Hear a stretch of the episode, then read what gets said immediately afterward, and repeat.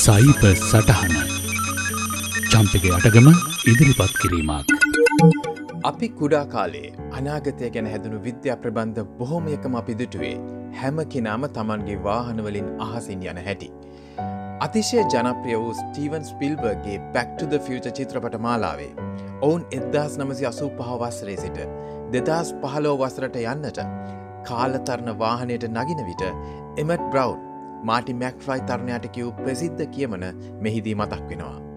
රෝඩ්ස් where we're going විටෝනී roads. චිත්‍රපටේ ඔවුන් දුටු දෙදස් පහලවේ ඔක්තෝබර් විසියෙක් වනදා ඉක්ම ගිහිල්ලත්.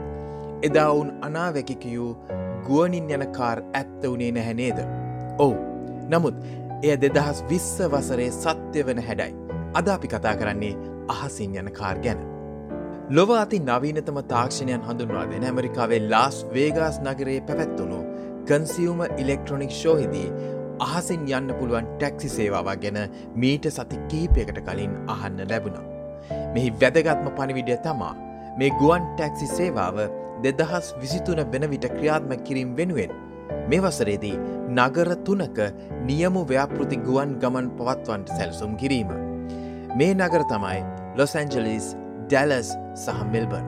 එක කියන්නේ ඇමරිකාවෙන් පිට මේ වසරේම මෙවැනි ගුවන් ටැක්සියක් පියාසර කරනවා දකින්නට ලැබෙන්නේ මෙල්බර්න් අහසේ පමණයි. මේ සේවාව හඳුන්වා දෙන්න ඔබ බොහෝ දෙනෙක් දන්න ටැක්සි සේවාවක් වෙන ඌබ. ඇත්තරම ඌබ හඳුන්වන්න වෙන්නේ සයිබ බේස්ට් රයිඩ් ෂේරිං සේවාවක් විදියට. මොකද ටැක්සි සේවාවක තියෙන කේන්ද්‍රගත සැකැස්ම වෙනුවට මෙහිදි වෙන්නේ වෙබ් අඩවියක් හෝ ඇප් එකක් කරහා. ඒ ආසන්නේ මෙම සේවාව ලබා දෙන වෙනත් කෙනෙක්ගේ වාහනය හරහත් තමන්ගේ ගමන ගොස් ඇප් එකින්ම ගණු දෙනුව නිමා කිරීම. සමහර විට නොදන්න කිහිප දෙනෙකුට වුණත් ඇප් එක හරහා අදාළ මුදල බෙදාගෙන එකට ගමන යන්න පුළුවන්. මින් ඔබට පැහැදිලි ඇති දුරකත නැමතුමක්වත් නොදී ඇප් එක කරහා තමාවට මේ සේවාව සපයන්න එකඟ වෙන ඕනෑම ඌබ වාහනයක සේවාව ලබා ගැනීමට හැකිවීම ඇත්තටම සාම්ප්‍රදායික ටැක්සි සේවාවන් අර්බුදයට යැවීම. මේ රයිඩ් ෂෑරිං සේවාවේ ලොව දැවන්තයා තමා ඌබ මහාමාර්ගය ජයගත් ඔවුන් ගුවන ජයගන්න ඌබ එලිවේට් කියලා තවත් ආයතනයක් පිහිට වූවා. හයුන්ඩායි මෝට සමාගම සමග එකතු වී මේ සඳහා යොදා ගැනීමට ඔවුන් භාවිතා කරන්නට බලාපොරොත්තු වෙන විශේෂ ගුවන් ටැක්සිය තමයි ඔවුන් එදා මුල් වතාවට ජනතාවට පෙන්වූයේ. කෙලින්ම ඉහලට සහ පහලට යාහැකි ලෙසනින් වෙන මේ විශේෂ කුඩා ගුවන් යානවලට කියන්නේ පර්සනල් එයා වෙහිකල් කියලා. මේ පළමු නිර්මාණයට ඔවුන් දීලා තියෙන නම SA1. ඒට මීටර් හයසියක් ඉහළ හසේ පැයට කිලෝමිටර් දෙසිය අනුවක උපරිම වේගයක් සමඟ කිලෝමිට සීයක් දක්වා පියාසර කරන්න පුළුවන්. එක් වරකට හතර දෙනෙකුට මෙහි ගමන් ගන්න පුළුවන්. මුලදී නියමුවන් සහිතව මෙම යාන ගුවන් ගත වුණත් පසු කාලෙක නියමු රහිත යානා ලෙස නිර්මාණය කරන්නට ඔවුන් බලාපොරොත්තු වෙනවා. මෙල්බන් නගරේ මෙ මුලින්ම ක්‍රියාත්ම කරන්න බලාපොරොත්තු වන්නේ නගරය සහත් ගුවන් තොටු බලාතරයි. දැනට පෑයක ගමනක් වෙන මේ දුර ගුවනින් විනාඩි දහයක් දක්වා අඩුවෙනු ඇත.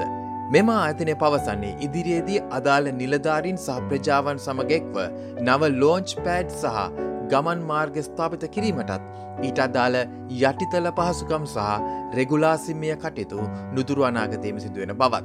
මෙය ඉතා මිල අධික ගුවන් ගමනක් වේ අයි දැන් ඔබ සිතනවා ඇති. උබ එලිවෙට අයදනට අනුව මෙම ගමනේ ගාස්තුව ඌබ එක් ලක්සරි කාර එකක ගමනක් වෙනුවෙන් වැෑවෙන මුද්දල පමණයි.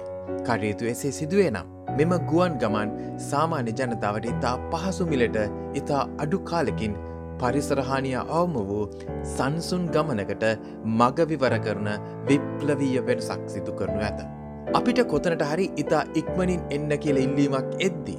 ප්‍රායෝග්‍යව එය පහසු නොවෙනකොට කතා ව්‍යවහාරයේදී කියවන ප්‍රකාශයක් තියෙනවා. උඩින් එන්න කියලද කියන්නේ කියලා. කාරණ කටයුතු සිද්ධ වෙන විදියට නුදුරු අනාගතයේදී මේ කතාව මෙන්න මේ විදියට වෙනස් වෙන හැටියක් තමයි පේන්න තියෙන්නේ. පොඩකින්න මම ටැක්සියක් කරං උඩින් එන්නම් මේ තැන්ම. අදත් ඔබට සයිබ සටහනගෙන මම චම්පික යටගම්.